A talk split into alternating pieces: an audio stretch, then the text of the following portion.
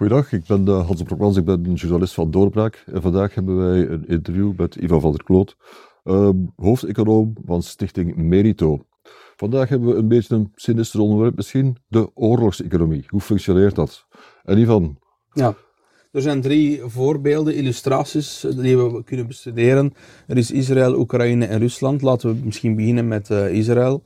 Uh, we hebben de aanslag gehad, de terreuraanslag op uh, 7 oktober. En wat zagen we? Een bliksemsnelle reactie van het economisch systeem, namelijk een, een eh, correctie op de wisselkoers, op de shekel. En dan is het echt uitkijken of het systeem dat aan kan, of er voldoende reservecapaciteit is. En dat blijkt het geval te zijn. De, de Bank of Israel, de centrale bank, heeft onmiddellijk enorm veel uh, geïnterveneerd met reserves en om dat uh, wisselkoersverlies goed te maken. En dat is ook effectief gebeurd. Hè. Ze hebben 30 miljard reserves. En dat toont ja, die economie kan, kan dat wel aan. Dat is een sterke economie met een centrale bank die over voldoende reserves beschikt. Iets anders is natuurlijk na die korte termijn schok overkomen. Hoe hou je dat lang op langere termijn? Uh, je ziet toch allerlei signalen dat er in de, in grootste zwakke flank of de, de flank die moet bewaakt worden in een oorlogssituatie is de arbeidsmarkt. Hè. Dus uh, er gaat, onvermijdelijk betekent oorlog een enorme mobilisatie van mensen naar het front. Um, jonge mannen en jonge meisjes. Ja, en uh, in Israël gaat het over 360.000 reservisten. Um, uh, dat is toch een 8% van de beroepsbevolking. Hè. Je moet ja maar kunnen absorberen als uh, economie. En toch niet van de minste. Hè. Dus bijvoorbeeld, uh, er wordt geraamd van 1 op 10 van de werknemers in de technologiesectoren zijn nu naar het front. Dat, dat, zijn niet, dat zijn de hoogst productieve werknemers van de economie die eigenlijk daaruit gehaald worden. Hè. En je zou natuurlijk zeggen, ja, er zijn ultradoxe joden die veel minder uh, productief zijn, maar die worden ook nauwelijks aangesproken om naar het front te gaan. En een andere belangrijke component op de arbeidsmarkt zijn de Palestijnse werknemers, maar die geraken niet op het werk of die willen niet meer. Uh, dus daar heb je ook aan de aanbodkant, en dat gaat over de kracht van de aanbodzijde van de economie, een enorme druk. Um, ja, er was natuurlijk al weinig arbeidsreserve in die economie. Er was maar een werkloosheidsgraad van 3%. En bijvoorbeeld, je moet echt beseffen, uh, de landbouw vandaag functioneert in grote mate op uh, vrijwilligers, mensen die universitaire opleidingen doen en dergelijke, die dat erbij nemen om de landbouweconomie uh, te, te, te vrijwaren. Dat is de aanbodkant van de economie. Dat is het belangrijkste om het langer vol te houden. Natuurlijk is er een klap aan de vraagzijde van de economie. Je moet denken, de toeristen blijven weg, de restaurants zijn leeg. Um, en natuurlijk is dan de vraag van, kan de overheid een stuk van dat vraagtekort opvangen. Uh, dat zet natuurlijk druk op de openbare financiën. Israël opnieuw heeft een sterke ruggengraat, kan dat op zich wel aan, maar het is niet miniem, hè. het is niet minimaal. Uh, de Bank of Israel raamt dat deze, de kostprijs op dit moment al oploopt tot zevenmaal de kostprijs van de Libanese oorlog van 2006 en, uh, en, en dan de strijd tegen Hamas in 2016. En dus ja, dat is uh, een enorme uh, druk op de economie. als je daar een inschatting maakt, hoe lang kan dat volgehouden ja, worden? Hoe, hoe, hoe, hoe, lang? Ja, wel, ik denk dat enerzijds een belangrijke component is, voor, er is wel wat kapitaal gevlucht uit die oorlogseconomie dat dat uh, moet kunnen teruggehaald worden. Want als die mensen na de oorlog terug van het front weg terugkomen, moeten die terug aan de slag kunnen. Dus maar op zich heeft de Israëlische economie een dermate ruggengraat dat uh, als het conflict niet te lang aansleept, die, die economie zich wel kan herstellen. Dat kan misschien niet per se hetzelfde gezegd worden voor bijvoorbeeld Oekraïne. En, um, en, en, daar hebben we natuurlijk ook uh, een heel speciale uh, gelegenheid, uh, fenomenen gezien. we hebben onmiddellijk een devaluatie gehad van de Oekraïnse munt.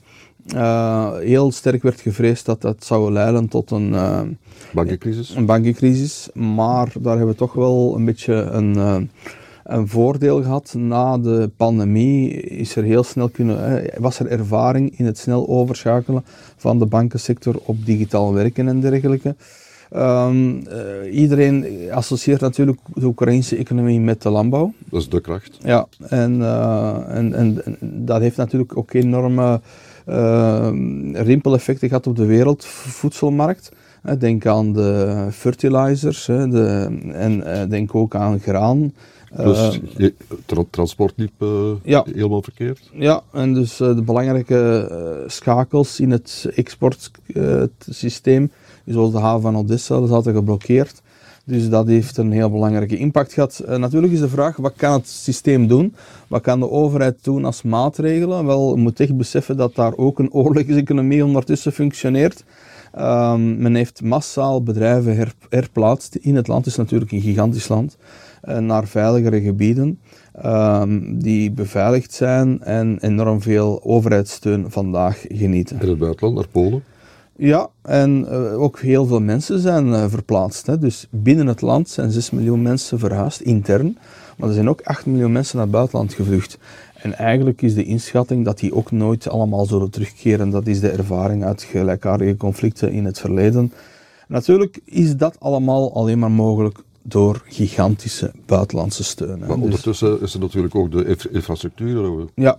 problemen. Ja, en, in het land zelf. Natuurlijk. Uh, je moet al, uh, dat zegt toch wel iets dat 8% van de woningen beschadigd zijn. Dus dat betekent ook een gigantische heropbouwinvestering die nodig is na het conflict. Met welk geld? Met welk geld? Ja, men kijkt natuurlijk naar het buitenland. Uh, men rekent op een begrotingstekort vlot boven de 40 miljard dit jaar. Uh, dan moet natuurlijk in eerste instantie, kijkt men dan naar Amerika, naar Europa, maar eigenlijk moet je dat beseffen dat die oorlogseconomie in, in Oekraïne eigenlijk in, in, een gigantische operatie is in het mobiliseren van donoren in heel de wereld. Davos zagen we onmiddellijk al Zelensky opdagen naast allerlei grootheden wereld, uh, op wereldvlak in de economische wereld. Dus um, daar gaat het uh, over het zoeken naar donoren. Het land is enorm financieel kwetsbaar. Terwijl de, bij de Israëlische economie het meer op de arbeidsmarktcomponent zit, zie je toch bij de Oekraïne die financieringscomponent, dat hoe kwetsbaar, hoe afhankelijk het land is van het buitenland. En dan komen we natuurlijk op de hoofdvogel van de oorlogseconomieën vandaag. Misschien toch even, um, u, u, zegt ze zijn, zijn uh, sterk afhankelijk van het buitenland. Ja, we zien toch in de VS dat daar uh, de appetijt afneemt en met Trump zeker zal afnemen om nog uh, tussen te komen. Ja, ik denk, ik bedoel, de appetijt om dit vol te houden, die slinkt bij de, per dag, elke dag denk ik in de, in de Verenigde Staten. Je ziet dat eigenlijk een soort thema worden in de verkiezingen van, sorry, maar al dat geld dat kunnen wij zelf wel beter gebruiken in eigen land. Ehm, en, um, en, en, wat je eigenlijk dan onderuit voelt, of, of niet onderuit, maar ook uh, op de onderhandelingstafel ziet, dat dan Amerika zegt, Europa, uh, dit komt in jouw richting uit. Hè. En dan zie je natuurlijk Europa dat dat ook niet intern uh, vrijwaard is van interne onrust. Orbán? Orbán ligt dwars. Ehm, hij heeft dat al een keer hard gespeeld. Daar heeft hij dan wel uh, een deal gemaakt. Omgekocht? Uh, omgekocht voor met 11 miljard, zegt men dan. Uh, wel, uh, Verhofstadt zei recent dat dat geen tweede keer kon gebeuren. Maar dat is natuurlijk hoog spel, want ja, dan gaat men effectief echt wel stappen moeten zetten in het uh, het ontnemen van het stemrecht van Oekraïne of van uh, Hongarije en dergelijke. En dus uh, in elk geval de taal verhardt elke dag. Ik hoorde vandaag in het Europese parlement spreken over, ja, met Orbán zit eigenlijk Poetin mee aan onze onderhandelingstafel. En daarbij komen we bij Poetin. En dat ja. is economie. Ja, en dat is natuurlijk een gigantische opdracht, want in tegenstelling tot Israël en Oekraïne geniet uh, Rusland niet van internationale steun. Integendeel, zij worden enorm uh, geïmpacteerd door de internationale sancties. Maar terwijl heel veel analisten zeiden van dit gaat de Russische economie een klap geven, die ze niet te boven komt, die gaat enorm krimpen, zien we dat op het terrein niet het geval is. Um, en dat heeft natuurlijk wel wat te maken met Rusland heeft eigenlijk voorzieningen aangelegd, is, heeft dit soort zaken geanticipeerd. Het is niet de eerste keer. we hebben al de, de, de annexatie van de Krim gehad, toen waren er al internationale sancties. Toen heeft de centrale bank van Ehm, Rusland al enorme reserves aangelegd. En dat maakt een groot verschil. Dus er zijn enorme fondsen aanwezig in liquide middelen, in goud, in renminbi, in Chinese munt. Men heeft kapitaalcontroles waar men eigenlijk Chinese exporteurs oplegt om hun valuta om te zetten in roebel. Uh, je moet natuurlijk wel weten, Poetin is sluw en leep, die, ook op het economisch vlak. Hij heeft daar ook een heel uh, klik van technocraten die hem daarin ondersteunen. Hij weet dat hij moet vermijden dat er interne onrust uh, ontstaat, dat die, uh, dat die onder controle blijft. En dus hij gaat zomaar niet de belastingen verhogen of niet militaire uitgaven doen krimpen. maar dat kan hij alleen maar omdat het land eigenlijk al bijna geprepareerd was voor dit soort conflict door al die reserves en voorzieningen. De arbeidsmarkt blijft natuurlijk voor zo'n oorlogseconomie de zwakke plek. Hoe, vangt men dat op? Wel, ja, eh, de fabrieken werken bijna uh, standaard op drie ploegenstelsels ondertussen. Um, maar de Russische minister van Economische Zaken zegt dat uh, met zoveel woorden.